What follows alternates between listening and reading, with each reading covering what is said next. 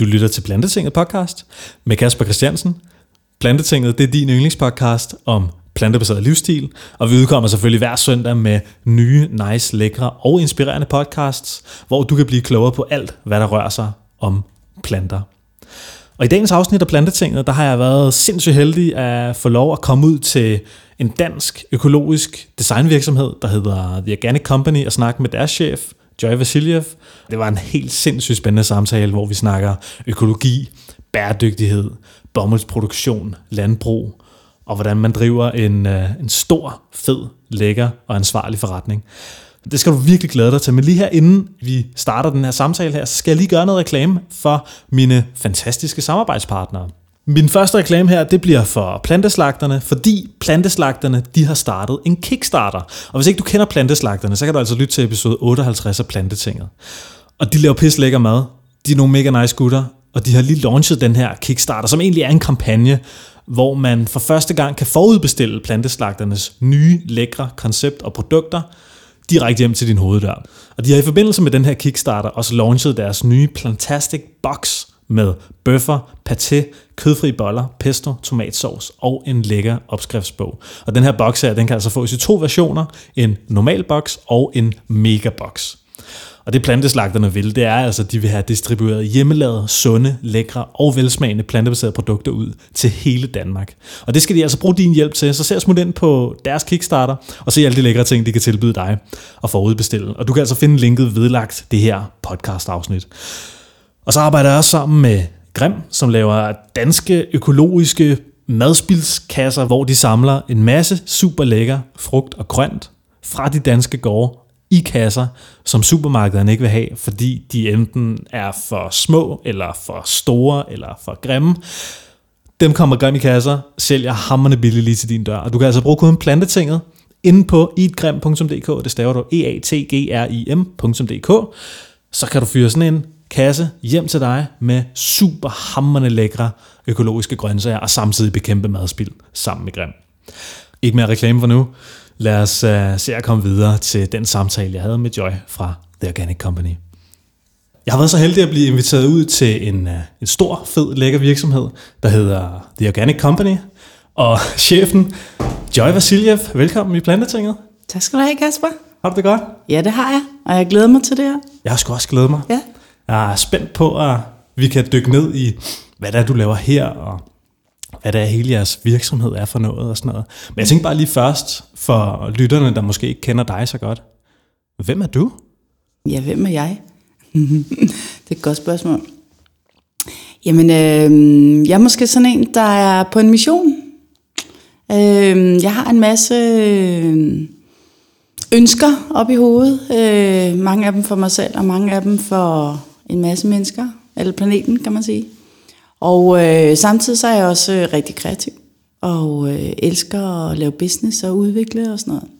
Så øh, alt det, det er samlet i The Organic Company, og øh, det fede det er, og det siger jeg også til dem, der gider lytte på mig, at øh, man kan sagtens både handle og producere og være kreativ i den her verden, uden nødvendigvis at efterlade sig en masse grimme øh, fodspor. Og derfor så er vi på en lille mission i The Organic Company.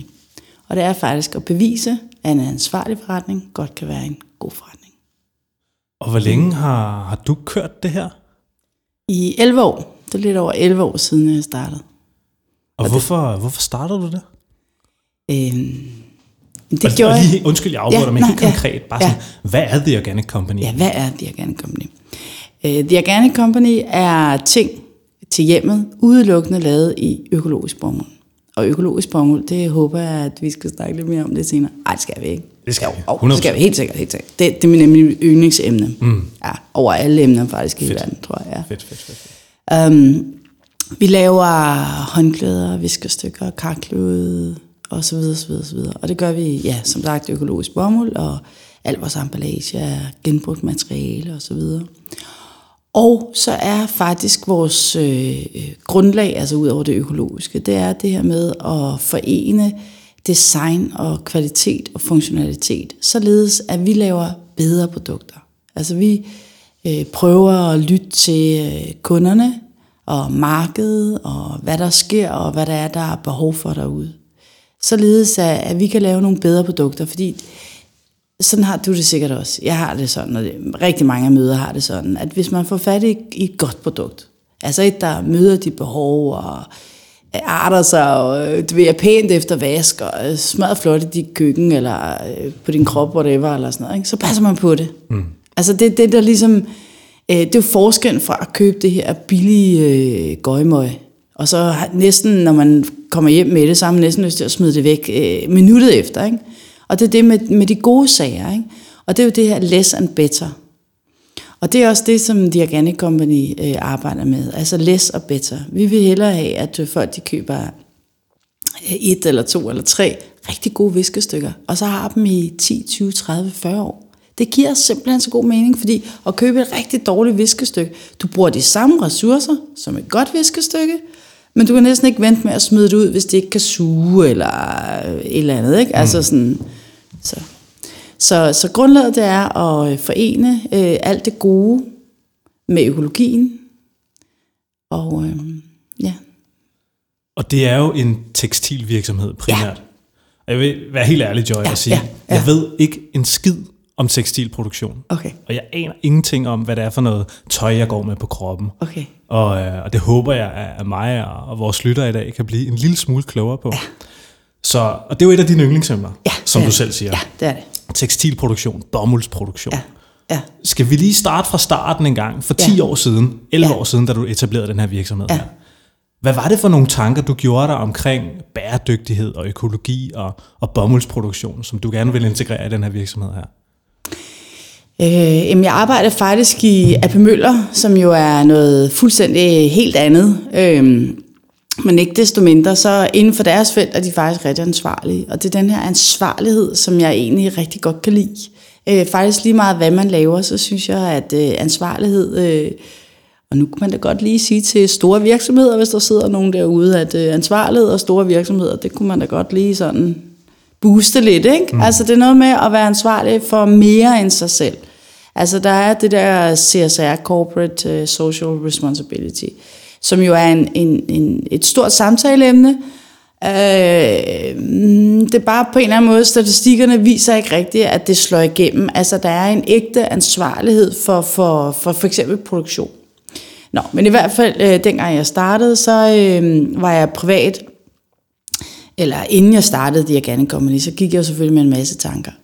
Og øh, min mand og jeg, vi havde besluttet sig for, at vi skulle have barn nummer to. Øh, eller også var jeg lige blevet gravid, det kan jeg faktisk ikke helt huske. Men altså, det var dengang, ikke? Og så øh, rent privat, øh, altså jeg cyklede på Christiania cykel. Okay, det er faktisk ikke så meget med økologi at gøre, men det gør jeg.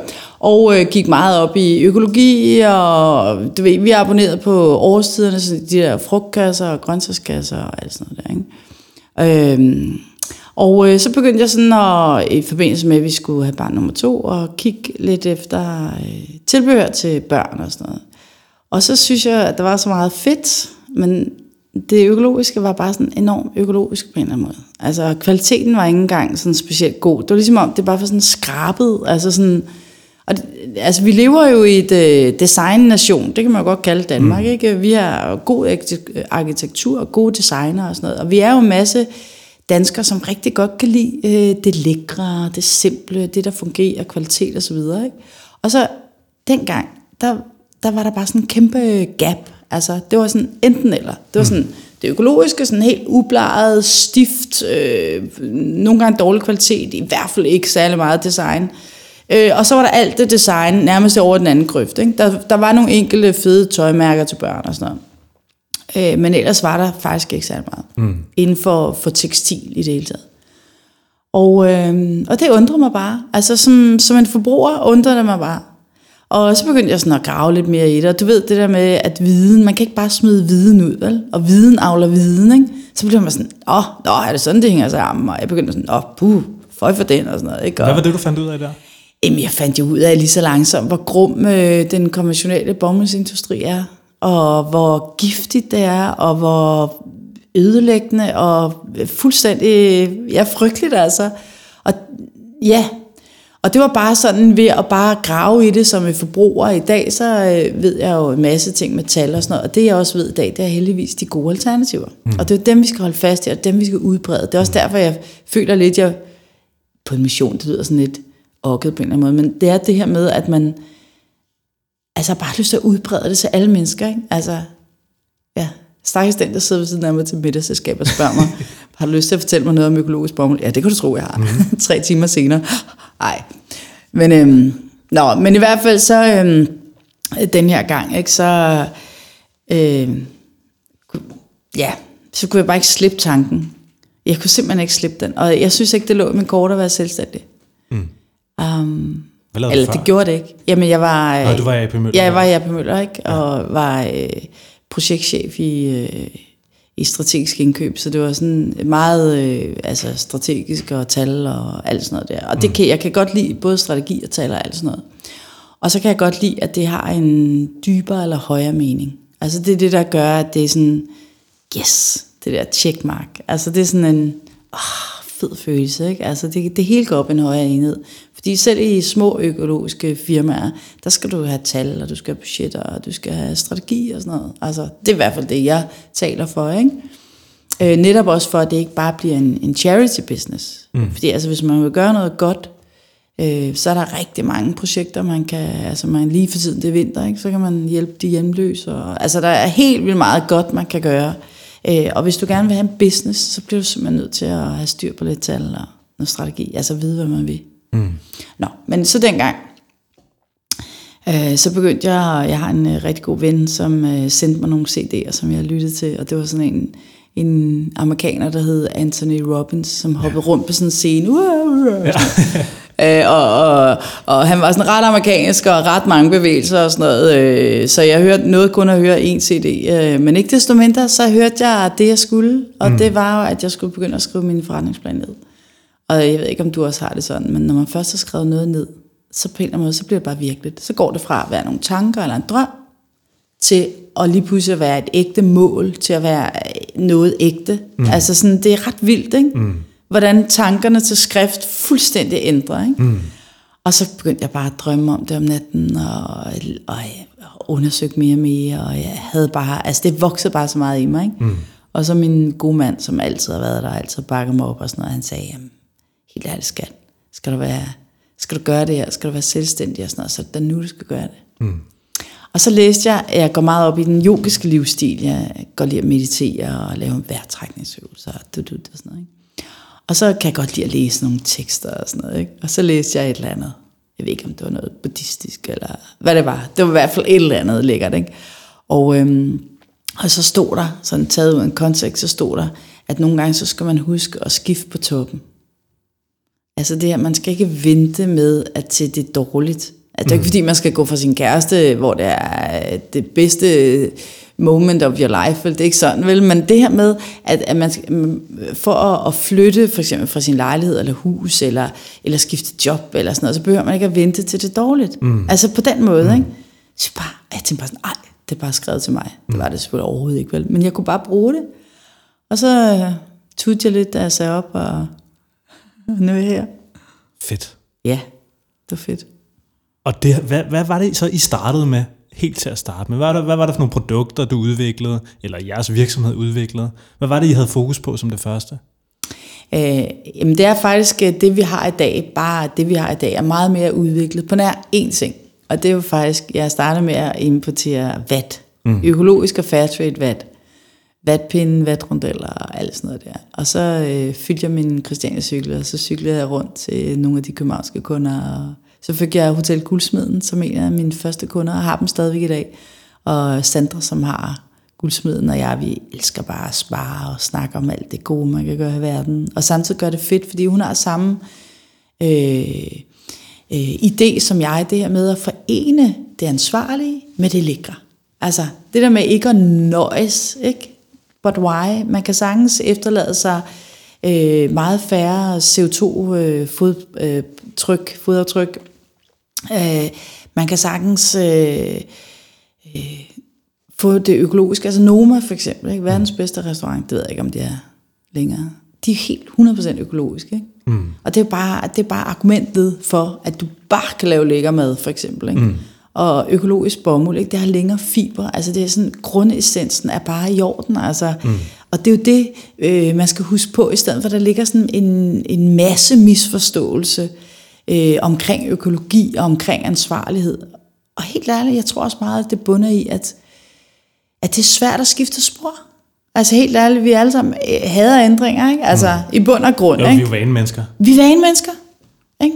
Og det er store firmaer også. Mm. Og, og folk, der starter firmaer, som, som, som, som, som starter det med rødder et andet sted, ikke? det kan slet ikke overskue at få det ind. Jeg snakker med så mange, altså de henvender sig selv, jeg går ikke hen og brækker dem på skulderen og siger, hør her, skal du ikke være lidt økologisk? Altså ikke fordi jeg ikke har løst, men nej, det gør jeg faktisk ikke. Jeg gider ikke være missionerende på den måde. Mm. Det skal jo være frivilligt, ikke? Og det tror jeg også på, at det er den bedste vej. Mm. Ja, nå, men øhm, det så startede jeg dengang med vat. Og, øh, og så samtidig med, at jeg øh, startede at importere det her vat, så øh, huggede jeg op med øh, en fantastisk øh, kvinde, øh, som øh, var med til at lave øh, børnetilbehøret. Sisse Maj Christiansen. Øh, fuldstændig fantastisk, og som hjalp mig med at lave øh, sådan noget børnetilbehør, for det var også det, som ja, mit eget behov var på. Så vi lavede øh, Øh, hæsmække øh, og babytipper og alt muligt og sådan noget. Og så satte jeg den produktion over i, i Indien hos en, øh, faktisk en ayurvedisk, økologisk lille økoproducent, som desværre ikke rigtig eksisterer i dag. Men, øhm, øh, og øh, så også nogenlunde samtidig, så fandt jeg en, en økologisk producent i Tyrkiet, hvor jeg kunne ligge i halen på, øh, altså du ved, være med på, på nogle andres øh, metervarer, ikke? Så kunne jeg få mine egne håndklæder, men jeg kunne ikke bestemme egen farver. Det var okay. Mm. Og så fik jeg nogle, nogle håndklæder. Og sådan startede det. Ja. Fedt. Ja, og det var lige krisen. Så det var hammer hårdt. Ja. Altså folk var bare sådan, ej, det er meget lækkert og sådan noget, men ej, vi skal lige have solgt vores... Øh, øh, varer på, på lageret og sådan noget. Ja, okay. Men heldigvis så dengang, så var der også, øh, øh, altså der var sådan nogle øh, græsrødder, jeg næsten lyst til at kalde det, men altså ildsjæle, idealister eller sådan noget, altså på naturens vegne, på klodens vegne, ikke? altså for eksempel årstiderne. Jeg har solgt faktisk til årstiderne, og øh, så begyndte jeg at lave, guldsmeden er også et økologisk hotel, ikke? så begyndte jeg at lave øh, rigtig meget private label, og jeg lavede ting og sager for Økologisk Landsforening osv. Så, videre. så i faktisk en overgang, så solgte jeg mindre til butikkerne, fordi jeg var så meget krise i Danmark, ikke? Og så solgte jeg mere sådan til de der specialprojekter og sådan noget. Ja.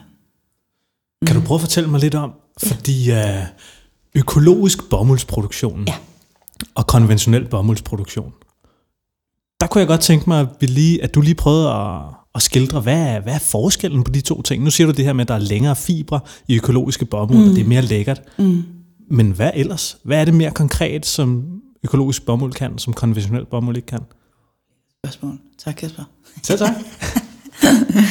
øhm, jamen for ligesom at starte fra, øh, altså for at få nogle facts på bordet, mm. så skal man kigge på øh, verdens øh, landbrugsarealer, fordi øh, bomuld er en afgrøde.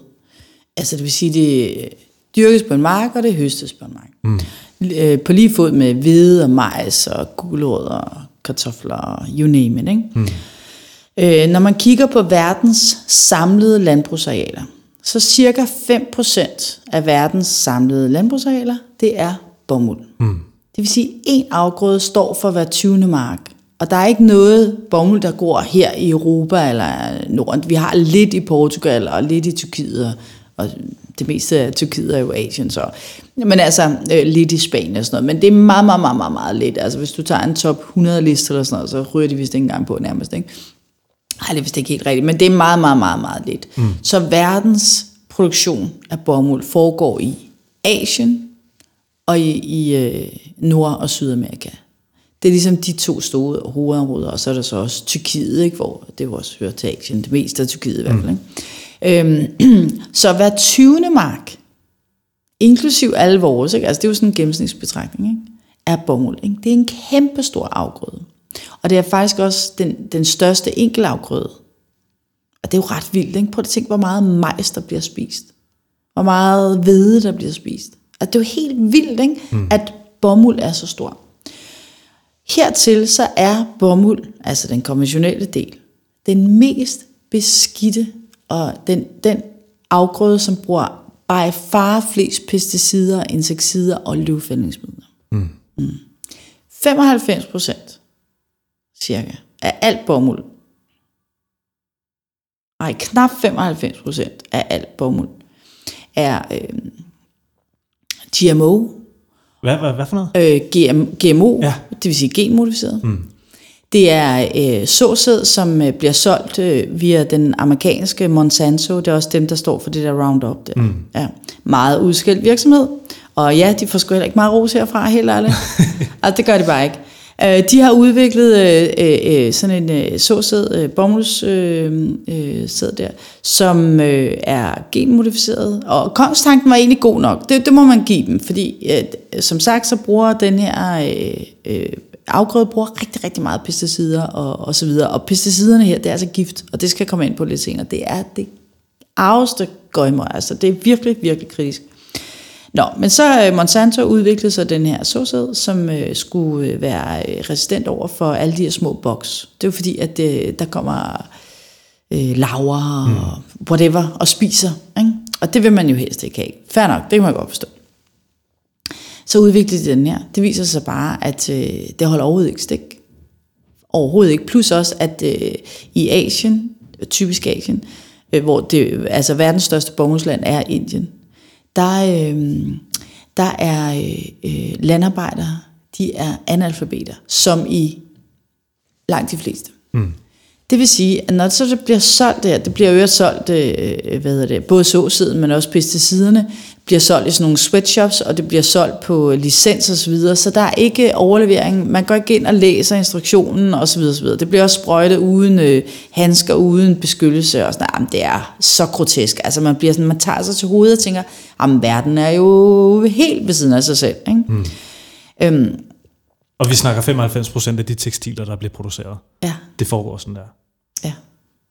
Altså, jeg vil bare sige, at øh, jeg har selvfølgelig ikke været ude på alle marker og sådan noget, så jeg kan forholde mig til statistikkerne, og der er jo helt sikkert nogle konventionelle industrier, som har gjort op med det her og så videre. Ikke? Øh, men mange steder i Asien, og det er der, hvor man har de rigtig store problemer. Man har også rigtig mange store sprøjtningsproblemer og GMO-problemer i Nordamerika og så videre.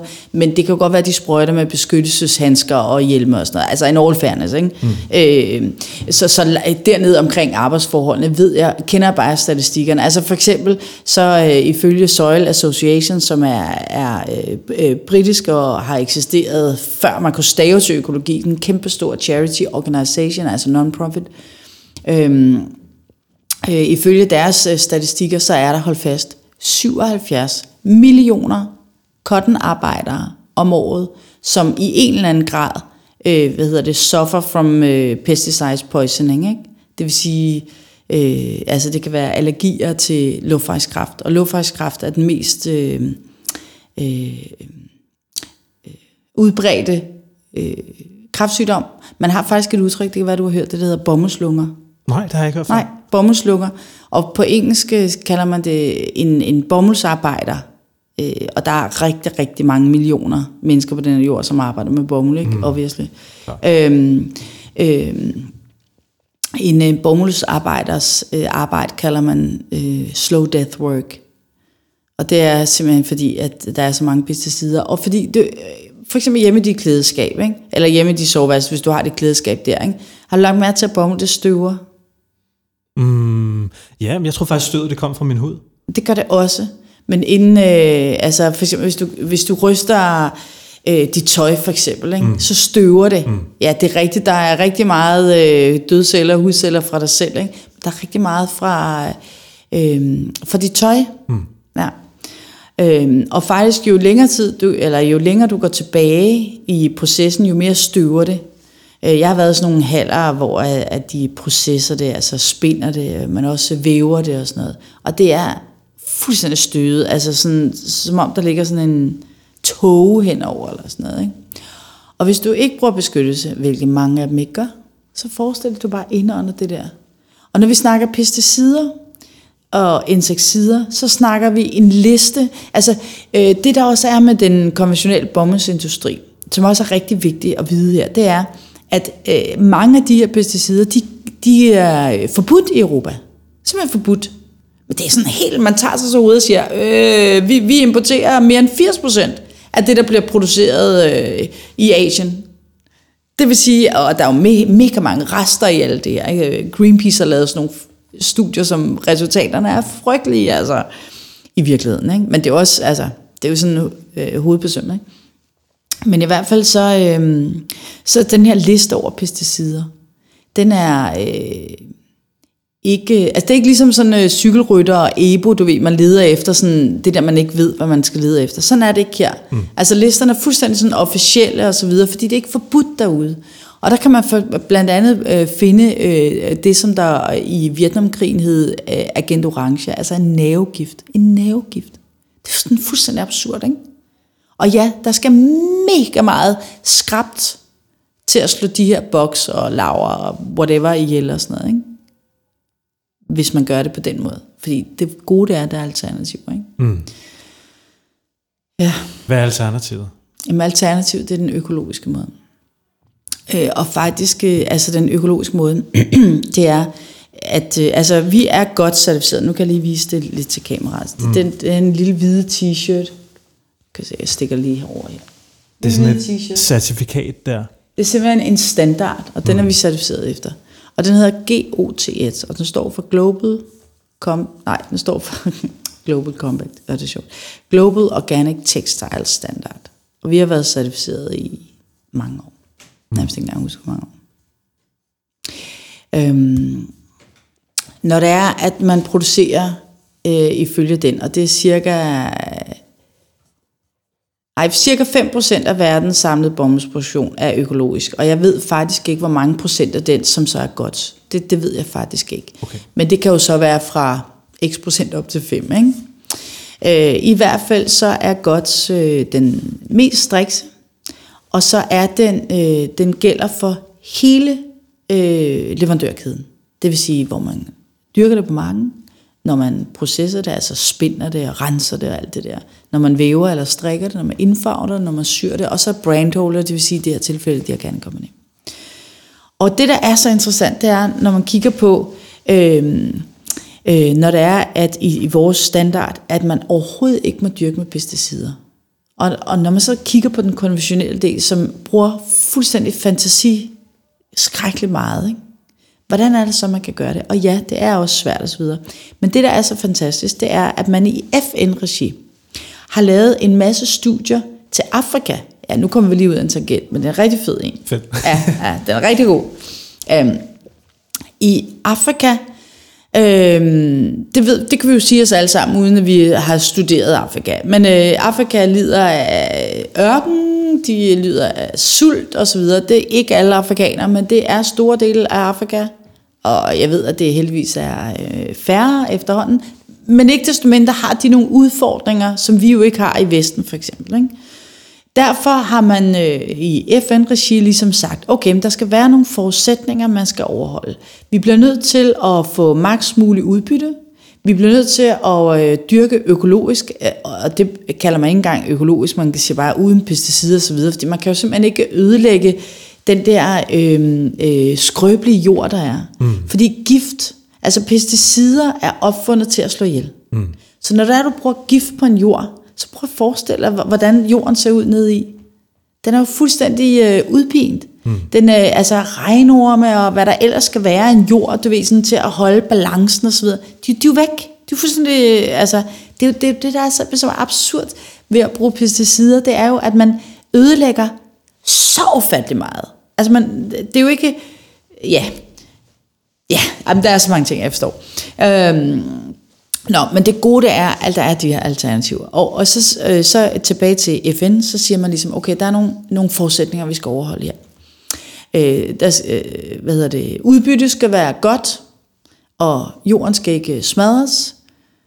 Øh, bum, bum, bum, bum. Og så havde de sikkert nogle andre forudsætninger. Men ikke desto mindre, så var det de to forudsætninger, man så senere kunne tage i den, i den økologiske øh, landbrugsdyrkning øh, og sige, hey, hør, ho, Her er der jo masse studier, som vi kan tage med over. Øh, specielt i en omlægningsfase. Fordi når du går fra et år og har udpint din jord, øh, og ører, ører sig af øh, økologisk øh, eller konventionelt bomuld, tager lige en kop te her. Ja, du gør. økologisk. øhm, når det er, at du har en udpint øh, jord, som du også skal give kunstig gødning og, og sprøjte og så videre, ikke? og så på det samme stykke jord, året efter, så vil du gerne have en økologisk produktion. Det, det, det harmonerer jo ikke. Altså, så skal du have hjælp jo. Du skal mm. have hjælp, ikke? Mm. Øh, det der også er med, øh, øh, hvad hedder det, øh, kom, eller ja, konventionel øh, bomuldsproduktion, det er, det er etårigt, det vil sige, at man slår planten ihjel. Hvorimod i øh, økologisk bomuld, så er det flereårige, øh, og eller øh, crop rotation, altså afgrøderotation. Og det er faktisk øh, et princip, øh, som også hjælper jorden. Der, der dyrker man for eksempel bomuld, bønner, ris. Bomuld, bønner, ris eller sådan et eller andet. Ikke? Det var også sådan, man gjorde det i helt gamle dage, ikke? Lige præcis. Lige præcis. Og det, der er så fantastisk ved at gå tilbage og til gamle dage, det er, i gamle dage, der var man meget mere i pagt med naturen. Man forstod naturen, man lyttede til naturen, man, man respekterede naturen. Ikke? Hvor at hele den der industrielle... Øh, øh, ja, alle de år, vi er, øh, den øh, industrielle revolution, eller hvad så man nu kalder det, og sådan noget, har jo været godt for noget, men det, det har også været skidt for noget andet. Ikke? Mm. Man har fuldstændig glemt at lytte til naturen. Ikke? Vi smadrer den bare, ikke? og det rammer os som en boomerang lige i nakken. Ikke? Mm. Men det er fuldstændig rigtigt. Det er ligesom i gamle dage, at man simpelthen respekterede jorden. Ikke? Og så giver man og, tag, og tager fra jorden forskelligt. Ikke? Nå, men så i omlægningsfasen, men også øh, der videre ud af, så brugte man mange af de her FN-studier. Og blandt andet, øh, så herfra har man for eksempel, at man kan vande med chili. Der er nogle af de her boks og sådan noget, som overhovedet ikke kan lide chili, men, men øh, bomulden er smadret ligeglad, og jorden er smadret ligeglad. Øh, så planter man øh, urter, der er mange af de her boks, som ikke kan lide nogle bestemte urter og så videre. Man planter levende hegn, man planter og så videre, fordi så tiltrækker du fugle og frø og så videre, som godt kan lide de her små boks. Mm. Så begynder man i virkeligheden, altså i virkeligheden er det et helt almindeligt øh, økosystem, som man faktisk reetablerer eller får tilbage i balance. Og det er jo nogle gange, når, når jeg siger, at vi producerer økologisk bomuld, så har det bare sådan lidt, det er bare for lille et ord. Mm. Jeg har bare lyst til at, at bare sige det med kæmpe store bogstaver, eller, eller lyst til at forklare, forklare, forklare, forklare, forklare i en time, og tak fordi, at du så gider interviewe mig her, ikke Kasper, fordi nu kan jeg bare henvise til det her.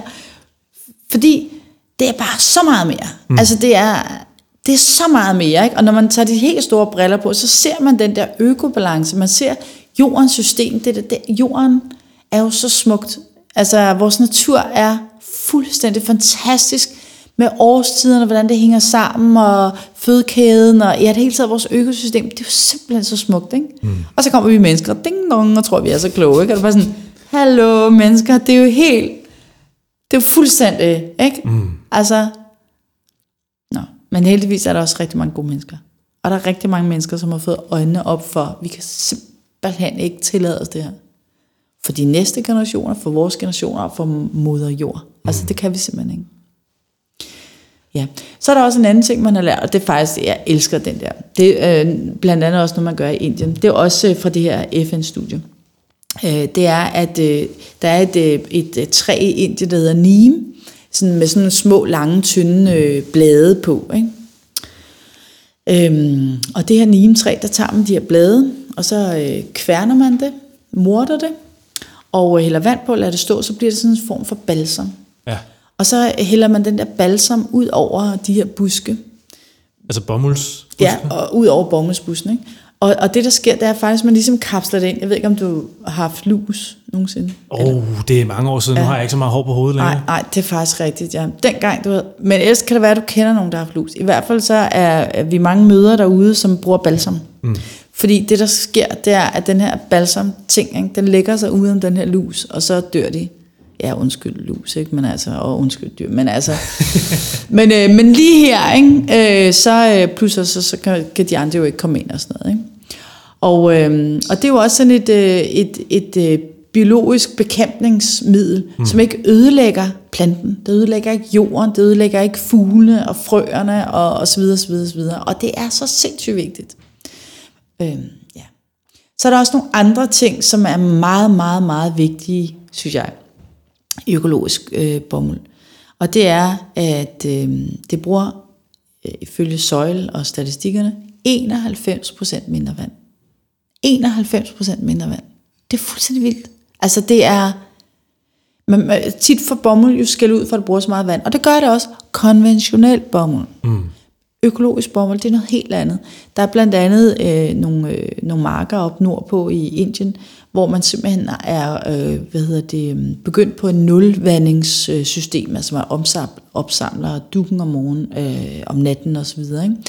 Men det, der også er med det, det er, når du har en udpint jord, og en jord i balance, så kan man jo, altså man, uden at man er landmand, eller fagmand, eller professor, eller noget som helst, kan man jo godt sige sig, den udbindte jord kan jo ikke holde på én dråbe vand. Det er ligesom at, at hælde vand i ørkenen, ikke? Klar. Hvorimod at en jord af balance, den kan både holde øh, på, på øh, nutritions... Næringsstoffer? Tak. havde bare lige det der engelske ord i hovedet. Øh, og den kan også holde på vandet, det lyder også helt fjollet, ikke? men altså, øh, den har simpelthen en evne til at, at være i balance, og det betyder jo vildt meget selvfølgelig for de her rødder for den her plante. Mm. Og så før så sagde du det her med de, eller du øh, hør, hørte det der med de lange fiber og sådan noget. Og det er blandt andet også, når du sprøjter et konventionelt bomuld på en konventionel bomuldsmark, så ødelægger du fiberne. Hvorimod, når du øh, ikke sprøjter, så er en fiberne intakte. Mm. Fordi bomuld er faktisk, altså prøv at vi, der er jo en grund til, at vi sover i bomuld, vi går i bomuld, vi øh, tørrer os i bomuld, vi har bomuld i vores stue og bomuld, altså vi har bomuld alle steder. Ikke? Mm. Det er jo en kæmpe, kæmpe, kæmpe øh, del af vores liv, mm. uden at vi egentlig lægger mærke til den. Og du har for eksempel øh, sådan en sweatshirt på, som er bomuld, mm. og din hue, den er nok uld, måske er der også lidt bomuld i, og sådan men ikke desto mindre, ikke? og din t-shirt er også bomuld. Og sådan mm. Det er kæmpe, kæmpe stort, og det er der en grund til, fordi bomuld er faktisk et behageligt materiale. Og plus også, at det er holdbart og så videre. Ikke? Hvad er det for en udvikling, du har set her de sidste 10 år, hvor du har drevet din virksomhed og, og prøvet at facilitere en ændring? Altså går det bedre? Er der mindre konventionelt bomuld? Kommer der mere? Hvad er det, der sker? Øh, der er helt klart øh, kommet mere økologisk bomuld.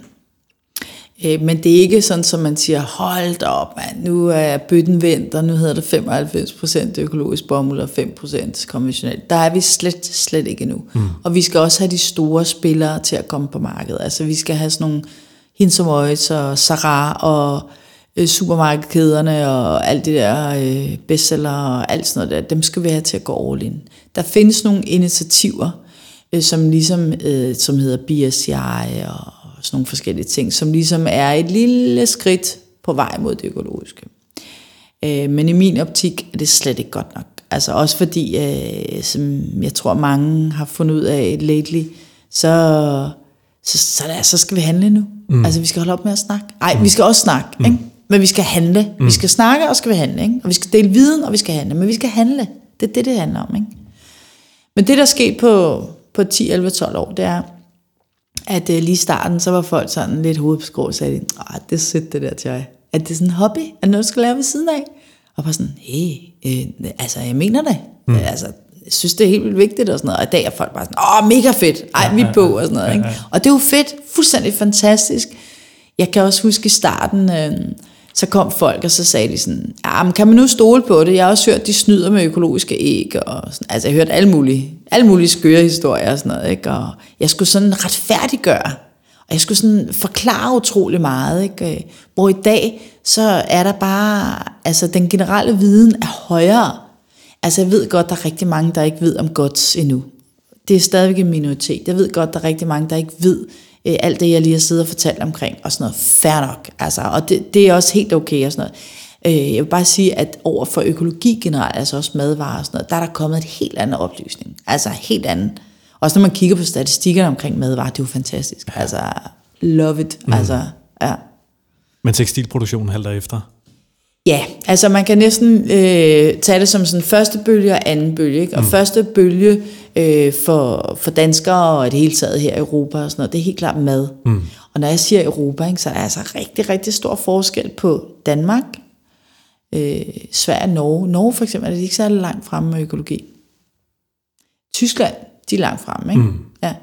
Frankrig, ja, og sådan noget, Italien og sådan noget. Altså det er, det, det kommer Helt klart, men vi ligger i forskellige bølger, så når vi siger første bølge, ikke, så er det altså ikke fordi, at den, den er skyllet ind over alle, eller, eller alle er hoppet med på den, eller hvad man skal sige og sådan noget. Ikke? Så vi er, der er stadigvæk altså lang vej, eller ikke lang, der er stadigvæk vej endnu. Ikke? Og når så anden bølge er non-food, altså ikke mad, for eksempel tekstiler, men man kan også snakke, man snakker ikke økologi om noget, der ikke er dyrket på en mark, så man snakker ikke økologiske øh, træer eller papir osv., men så kan du snakke andet etik eller ansvarlighed, ikke? altså mm. FSC og genbrug videre. Ikke? Mm. Ja, så, så vi, er, vi er ikke kommet rigtigt til anden bølge nu. Nej. Ish, eller... Hvad skal der til, før vi kommer til den bølge der, og vi rykker hurtigere? Jamen, altså, jeg tror på, at, øh, at anden bølge er en naturlig forlængelse af første bølge. Mm. Og første bølge, det er maden. Mm. Altså, det, det er simpelthen det, der får vores øjne op og, og gøre, at vi ved mere og mere. Også meget af det, jeg lige har fortalt omkring pesticider og insekticider osv. osv., osv. Der er jo meget af det, som man kan tage øh, og køre over på, på mad eller omvendt. Ikke? Altså, selvom at bomuld er by far den værste, værste øh, så øh, jeg nævnte kort lige det her med øh, den her Greenpeace, øh, Greenpeace-studiet, som havde fundet... Øh, fire ud af fem stykker tøj indeholdt kritiske kemikalier, ikke? og så er der jo alt de, de kemikalier, det også indeholdt og så videre, ikke? rester af tungmetaller, pesticider og så videre, ikke? men altså deciderede øh, farlige øh, kritiske kemikalier, rester, ikke? altså i dit tøj, det du finder på en hylde, ikke? i mm. konventionelt, ikke? Øh, nogenlunde det samme billede har du i mad. Altså hvis du tager konventionelt øh, rød peber, eller tomat, eller broccoli, eller sådan noget, ikke? så er der jo helt vildt mange procent som indeholder rester af pesticider osv. osv., osv. Ikke? Så og når man har den viden omkring mad, og den indstilling, altså hvis man er omlagt øh, og så videre, ikke? så tænker jeg, at så tager man den med til anden bølge. Altså så begynder det at, nå, så skal min karklud der også være, og mit tøj, og til børnene og sådan noget. Det, børnene, det er virkelig rullet, ikke? Altså det, det er sådan helt klart sådan bølge halvanden, ej det ved jeg ikke. Men øh, først inden for anden bølge eller et eller andet. Ikke? Mm. Ja. Wow, mand. Ja, det er interessant, ikke? men det er, det er for sindssygt. Jeg sidder her og... Øh, jeg ved ikke, om jeg næsten får det helt dårligt som vidtighed over min, øh, du ved, min adfærd omkring tekstilforbrug uh, i løbet af mit liv, ikke? fordi at uh, jeg lige pludselig får så meget viden. Jeg vidste sgu da ikke, at bomuldsproduktion var den største afgrøde i verden. Mm. Det er også ret vildt. Men det er også sådan noget, som man... Øh, altså i virkeligheden, så... Øh, så behøver forbrugerne ikke vide det. Fordi hvis vi skal proppe så meget viden i forbrugerne, så, så, så, altså fordi så er der jo viden omkring øh, alle mulige tungmetaller, elektronik og you name it. Ikke? Altså man kan blive sådan helt rundt forvirret. Ikke? Men, men det der er med det, jeg kunne godt tænke mig, at man arbejdede på tre plan. Jeg kunne godt tænke mig, at politikerne tog et ansvar. Mm. Ikke? Mm. Og så lige meget om de var røde eller blå, så at de steppede op og tog nogle rigtig gode beslutninger. Både i Danmark, men også på EU-plan. Altså virkelig gik ind, og så gjorde de noget. Og så øh, må de... Altså det, det er også som om, at vi har sådan en... en altså vi skal vækste hele tiden. Den er mm. bare en vækst, vækst, vækst. Mm. Og prøv at den her jord, altså, du, kender du Overshoot Day? Mm. Det var tilbage ja. i marts, april? Ja, Danmark var det i marts, og på jorden var det i august. Ikke? Mm. Det betyder, så har vi brugt en klode og det som jorden kan øh, øh, generere. Ikke? Okay, har vi et issue? Ja, vi har da et kæmpe issue, også fordi den der overshoot day, den er altså rykket øh, frem og frem, år for år. Ikke? Mm. Vi har da et kæmpe stort issue. Skal politikerne tage et ansvar for det? Ja, det skal de dele dulme, og så er jeg fuldstændig ligeglad med, hvilken parti det kommer fra. Mm. Fordi det her, det skal ikke have nogen partifarve. Det skal være, det skal være ansvar, det skal være øh, noget med, at vi skal tage et fælles ansvar. Øh, og så er der virksomhederne der har jeg virkelig lyst til at svinge den helt store dunderhammer. Ikke? Prøver jeg bundlinje, ikke? Det skal bare handle om at tjene en masse penge. Hvor, hvor forkert er det? Mm. der er ikke noget galt i at tjene penge, det er ikke det, jeg siger. Men når det bliver på bekostning af, eller, eller når det kun er det, det handler om. Prøv at, hvis jeg var statsminister i verden, ikke, så vil jeg simpelthen gå ind overnight, så vil jeg indføre en helt anden øh, bundlinje og skattetænkning, og jeg ved ikke, hvad jeg er over for virksomheder. Og så vil de bare få, jeg ved ikke hvor meget, at de skulle betale skat, øh, hvis de øh, producerede for meget lort, eller øh, ja, ikke produceret økologisk. Nej, jeg ved det ikke. Altså, det skulle man også lige tænke over. Men altså, øh, jeg kunne godt tænke mig, at man gik ind øh, fra politisk hold og virkelig gjorde noget. Og så kunne jeg godt tænke mig, at man gik ind øh, som virksomhed og så tog et reelt ansvar, også selvom det koster på bundlinjen. Mm. Altså bare ærgerligt, så får du ikke milliarder overskud. Får du kun en halv milliard. Mm. Men tillykke, du, du har gjort dine børnebørn stolte af dig, eller du har gjort noget, som er et højere purpose, noget, som der ikke kan måles i kroner og øre. Altså, det er jo der, hvor jeg synes, at vi skal, vi skal hen. Ikke? Mm. Øh, og der skal være prestige i, hvis det er det, der hjælper, og, og gøre noget godt. Øh, det, der skal, altså heldigvis fornemmer jeg, at, øh, at din generation og de yngre generationer, de vil arbejde steder, som giver mening. Og det er faktisk ret fedt. Fordi det er så den tredje del, ikke? det er det her med, at øh, os forbrugere, det kan godt være, at vi ikke øh, ved alt muligt. Altså jeg ved jo rigtig meget om økologisk bomuld, men så stopper det også der. Jeg ved jo ikke rigtig meget om, om mange ting, vel? Altså, mm. selvfølgelig sætter jeg mig, eller ikke selvfølgelig, men jeg kan ikke lade være med at sætte mig ind i forskellige ting. Men der er mange ting, jeg ikke ved noget om. Rengøringsmidler for eksempel, ikke? Så stoler jeg bare på, når der står biologisk nedbrydet, du ved, ikke? Mm. Øhm, øh, men ikke desto mindre, så skal vi blive ved med at efterspørge. Efterspørge bedre alternativer. Mm. Og så skal vi, øh, den helt store hurdle for os, synes jeg, det er, at vi skal kigge på vores forbrug. Vi skal købe mindre og bedre. Og det gør du jo ved at producere nogle varer, som kan holde, som du siger, 5-10 år, i stedet for at vi bliver træt, og vi slider på tingene et år. Ja. Så det er den måde, du prøver at gøre en aktiv det indsats. rimer faktisk på økologi. Ikke? Nu, nu viser jeg lige uh, til kameraet, så viser jeg lige en karklyd. Og ja, mm. det er bare en karklyd, og det bør man ikke gøre så stort nummer ud af. Men den har også lige, hvad var det i politikken? Ja, det er vildt sejt, Den fik ikke? prisen for den bedste karklyd? Ja. Fedt. Tillykke ja, med det. mega fedt. Jamen, vi var helt høje. Vi var øh, på messe, og vi hoppede og dansede og sprang. Det var bare lykken på en dag. Øh, men det, der er med den her karklyd, det er... Må jeg lige ved den en gang? Ja, værsgo. Ja, ja, ja. Det er jo, at hvis man kigger på sådan en engangskarklud, ikke? Mm. altså sådan en, øh, de der lyseblå, lyserøde, gule ish, ikke? Mm. Ja, så kan man synes, at de er pæne, eller man kan synes, at de ikke er pæne. Det er sådan set lige meget. Men hvis du kigger på de ressourcer, der blev brugt til at lave sådan en lyserød karklud, så er det næsten de samme ressourcer som den øh, fra os af.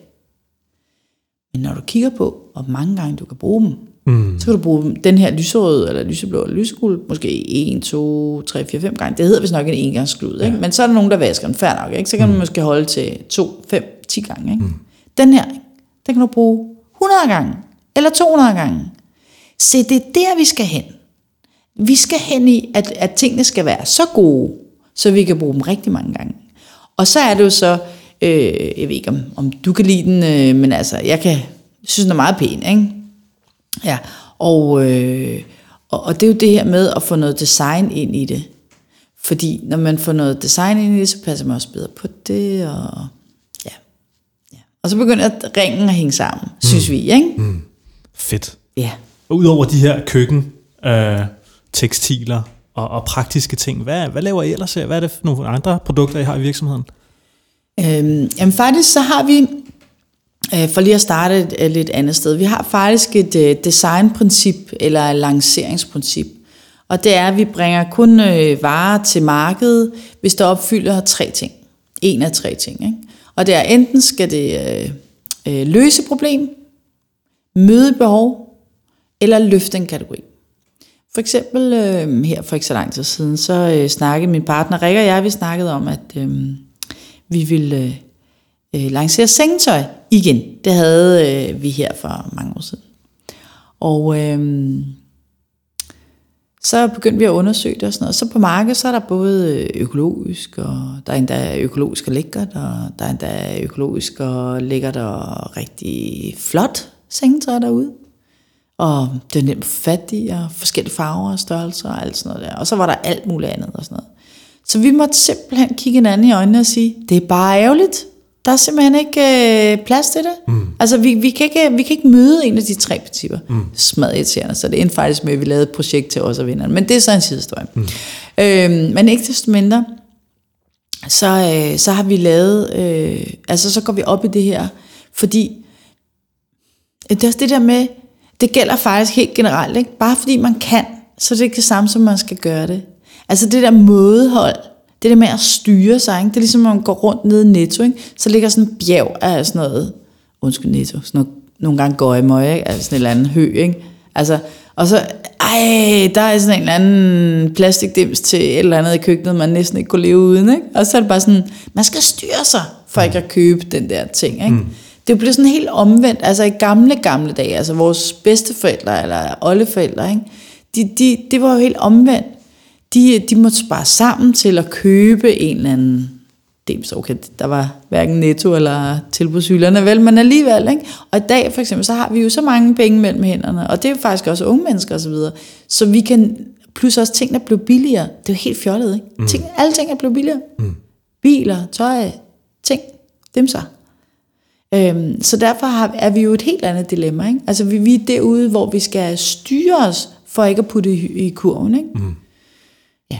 Nå, men øh, det vi har, det er, at vi har håndklæder, vi har øh, badekåber, vi har bademotter, vi har vaskeklude. Jeg prøver lige at remse op, sådan, hvad jeg kan huske ind i hovedet. Ikke? øh, vi har også øh, badeting til baby og børn. Og så har vi, øh, det var sådan en bade, ikke? Og så har vi til køkkenet, har vi alle mulige forklæder. Vi laver også, vi øh, leverer forklæder til ja, årstiderne og forskellige restauranter og caféer og sådan noget. Så har vi øh, sådan nogle mundservietter, og vi har karklude og viskestykker. Vi har faktisk også vundet en test i viskestykker. Ja, der vandt vi sugeevne. Fedt. Også nogle andre ting. Men sugeevne var vi eneste viskestykke, der fik 5 ud af 5 mulige stjerner. Helt høj over det. um, så har vi også... Øh, og hvert produkt, øh, altså har vi ligesom gjort os umage med. Og Ja, og det er jo ikke for at sidde og prale eller noget, men ved du, det kunne jeg faktisk rigtig godt tænke mig, at der blev gjort mere af. Også hvis, det, hvis nu vil jeg godt lige sige noget til dem, som måske kender nogen, som er bange for det med vækst, ikke? Mm. med verdens økonomi, og den ikke hænger sammen og sådan noget.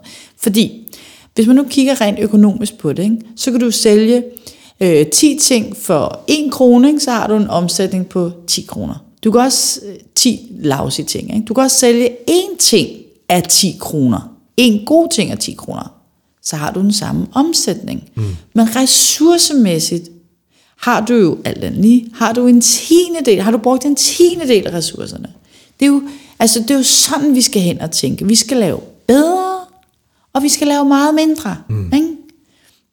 Og det er der altså også økonomi i. Det er ligesom også det der med øh, at spise bedre. Ikke?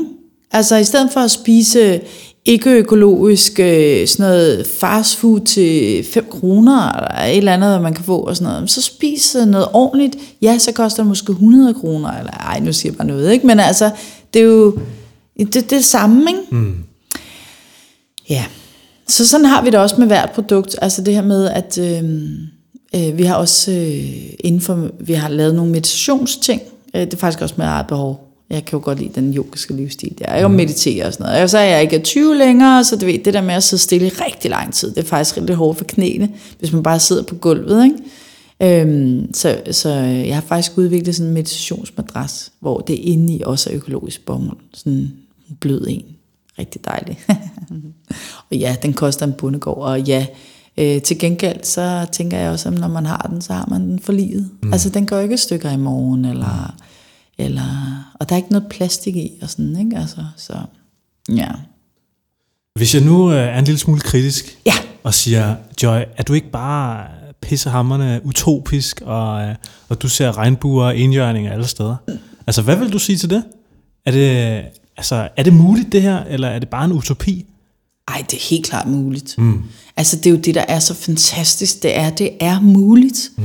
Altså, det hænger rent faktisk sammen Øhm, og, og, som tidligere nævnt, så skal, vi, så skal vi arbejde på flere planer. Altså en, der hedder Charlie, hende som har mig for Fair Shop, øh, og jeg er ved at skrive en bog, og det er også fordi, at jeg underviser unge mennesker øh, inden for tekstil. Ikke? Øh, så kommer de fra nogle forskellige tekstilskoler, øh, eller underviser. Jeg holder nogle foredrag, ikke? Mm. Øh, og så laver nogle af dem nogle opgaver, og, og sådan, så har de i et fag eller et eller andet. Ikke? Men ikke desto mindre, så oplever jeg de her fantastiske unge mennesker, som kommer og er sultne på livet og så videre. Ikke? Og så når man nævner bæredygtighed, ikke? Mm. altså så, det er lige før, de siger sådan helt afmagt ud. Ikke? Ah. Okay, hvor trist er det, mand? Mm. Altså, for der er mange muligheder. Jeg indrømmer det også blankt. Nogle gange, så kan da også se sort og, og tænke, ej, for fanden, ikke? Mm.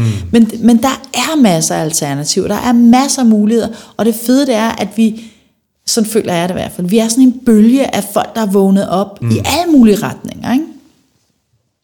Så jeg har faktisk også lavet en model. Vil du se den? Det vil jeg skide gerne. Ja, fedt. Okay. Åbner vi computeren her. Så for dem, der bare lytter med på podcasten her, så finder Joy lige sin computer frem og lige taster ind. Og nu kigger vi simpelthen på en figur, Joy.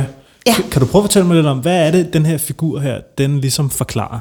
Ja, det er øh, vælg din bæredygtighedskasket. Fra diskussion til handling. Mm. Det er det, jeg kalder den. Og hvorfor har jeg lavet den? Jamen det har faktisk, øh, jeg har faktisk lavet den, øh, man kan sige, mangler bedre. Ej, okay, det var ikke så pænt sagt om den, vel. Men jeg har lavet den, fordi når de her unge mennesker, de kommer, og de første par gange, hvor jeg snakker bæredygtighed, så kunne jeg mærke, at jeg ligesom snakker lidt til en, en mur af afmagt, mm. eller en mur af, øh, øh, jeg orker det ikke. Mm. Altså, og det synes jeg simpelthen var så trist, ikke? så begyndte jeg sådan at skære tingene ud i pap. Mm. Og øh, så kunne jeg godt se, at jeg kunne snakke og snakke og snakke og snakke og snakke og snakke og snakke, og så var timen forbi, eller de to timer forbi, eller sådan noget. Så tænkte jeg, okay, hvis jeg begynder at skrive det ned, mm. så kan vi jo begynde at skille tingene ad. Fordi det, jeg forestiller mig, det er, øh, af bæredygtighed. Altså bæredygtighed, der er jo en definition. Der er jo sådan en tre øh, områder. Det er miljø, det er socialt, og så er det også økonomi. Ikke? Man kan snakke om bæredygtige bundlinjer osv. Ikke? Men bæredygtighed i vores samfund i dag, og når vi snakker, øh, altså... Øh, Ja, så er bæredygtighed lige pludselig rigtig mange ting, og der er utrolig mange facetter, der er utrolig mange elementer i det. Og når jeg siger bæredygtighed, og når du siger bæredygtighed, så er chancen for, at det er nøjagtigt det samme, vi snakker om, den er nok ikke faktisk særlig stor. Jeg tænker, okay, vi bliver nødt til at bryde tingene ned. Mm. Så det jeg har gjort, det er, at jeg har ligesom lavet en cirkel i midten, hvor der er sjovt nok en lille kasket, og så er der ligesom nogle streger ud. Og på de her streger står der nogle forskellige ting. For eksempel så står der vandforbrug. Mm. Så er der en anden streg, der hedder økologi. En tredje streg, der hedder forbrug. Fjerde, der hedder CO2. Femte, plastik. Sjette, sociale forhold. Syvende, vores sundhed. Ottende, ulighed. Niende, genbrug. Tiende, dyrevelfærd. Nu har jeg bare sat nogen på, og, og Charlie er, som er ved at skrive den her bog, baseres faktisk på den her, hvor vi så går dybden med. Ikke? Mm. Øh, men, men det jeg godt kunne tænke mig, og, og det er også der, øh, hvor jeg altså, tror mulighed, altså for at komme igennem den her jungle, det er, hvis vi nu hver især har en kasket på. Fordi vi har brug for nogle mennesker, som gør noget ved klimaet. Vi ved alle sammen, at vi bruger for meget CO2. Altså lige for tiden, så bruger øh, en gennemsnits øh, dansk familie uden offentlig forbrug, bruger 52.000 øh, øh tons CO2 om året. Den skal nedbringes i 2050 til 10.000 ton. Det er altså helt vildt, som vi skal omlægge. Hvis vi snakker, det er stedet omlægning af vores livsstil. Mm. Selvfølgelig skal der noget teknologi til, selvfølgelig skal der politiske beslutninger osv. osv., osv., osv. Så ansvaret ligger der ikke kun hos os. Men vi skal ind og have arbejdet med CO2. Og jeg vil faktisk lige sige, at økologisk bomuld udleder, hold fast, 94 procent færre drivhusgasser. Og drivhusgasser, det består så af blandt andet CO2. Mm. Og der omregner man øh, ekvivalente øh, CO2. Ikke? Så øh, det er kæmpe, kæmpe, kæmpe stort. Mm. En kæmpe stor forskel. Og det er blandt andet også, fordi en økologisk jord øh, og indkapsler, indsamler og indkapsler CO2, og det gør en udpint jord ikke, og så videre, så videre. Mm. Øhm, Men vi skal have folk, som arbejder og kæmper for miljøet. Mm. Vi skal have forskere, som arbejder på at finde på en flyvemaskine, som kan flyve på sol og vind og affald eller et eller andet. Ikke? Altså det skal vi jo, ikke? Altså, øh, vi skal have forbrug, der skal vi have øh, forbrugerne til at skære ned på deres forbrug, mindre og bedre. Vi skal have virksomheder til at lave bedre, vi skal have virksomheden til at, at øh, arbejde med ressourcerne, bruge nogle af dem, der er meget af, og holde nallerne for dem, der er lidt af, osv. osv. Ikke? Økologi, vi skal have sådan nogle som mig. Ej, okay. Vi skal, have, vi skal have flere, der arbejder med økologi, fordi mm. det er jo et, et, et økosystem. Mm. Altså mange af de her, de går ind over hinanden. Det er jo slet ikke sådan. Men, men modellen er bygget på, ligesom jeg har en økologisk kasket på, så bygger modellen på, at jeg ved alt muligt om økologi. Og så lad os nu sige, øh, du og jeg, Kasper, ikke? vi sidder til middagsselskaber, og så siger du, øh, oh, men, øh, gør du noget godt for jorden? Ja, det synes jeg. Jeg øh, arbejder med økologi, og nu skal du høre, og så nævner jeg nogle tal og nogle fif, og du siger, ej, hvor er det fedt, ikke? Mm. Så siger jeg til dig, hvad, hvad gør du et eller andet godt for jorden? Ah, okay, det er måske sådan et tænkt spørgsmål, ikke? Men altså, så jamen, siger du... Så siger jeg, øh, jamen jeg spiser vegansk, fordi ja. jeg mener, at det er godt for dyrevelfærden. Ja. Det er godt for øh, vores sundhed. Ja. Og det er også godt for ja, CO2, ja. naturligvis. Så øh, der er i hvert fald tre ja. bæredygtighedskasketter, jeg tager på i den ja. kamp. Ja, og det er jo vildt fedt, ikke? Mm. Og det der med at bryde tingene lidt ned, og så begynde at se dem, øh, altså lidt mere... Øh, smalt, i stedet for så bredt. Mm. Fordi vi er rigtig mange mennesker, som ikke kan rumme, også når vi står nede i supermarkedet, ikke? Skal jeg nu tænke genbrug, eller skal jeg tænke økologisk? Mm. Skal jeg tænke lokalt, eller skal jeg tænke økologisk? Mm. Skal jeg tænke øh, genbrug, eller skal... Øh, altså, man bliver helt snot forvirret, ikke? Hvad er bedst? Mm. Hvornår er, hvornår er jeg lidt øh, bæredygtig, hvornår er meget bæredygtig? Og det er rigtig, rigtig svært. Men ikke desto mindre, så skal vi have nogen som dig, som kæmper for øh, dyrevelfærd. Vi skal have nogen øh, som øh, øh, Dalai Lama, som kæmper for øh, øh, fred på jorden. Ikke? Vi skal have, og så videre, så videre, så videre. Mm. Vi skal have sådan nogle mennesker. Men hvis nu både du og Dalai Lama og de andre kæmpede alle kampe på en gang, faktisk er det ligesom, man kan tage Nelson Mandela.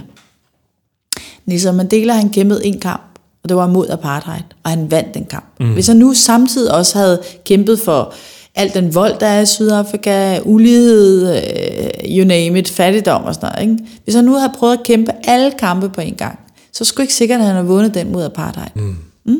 Mm.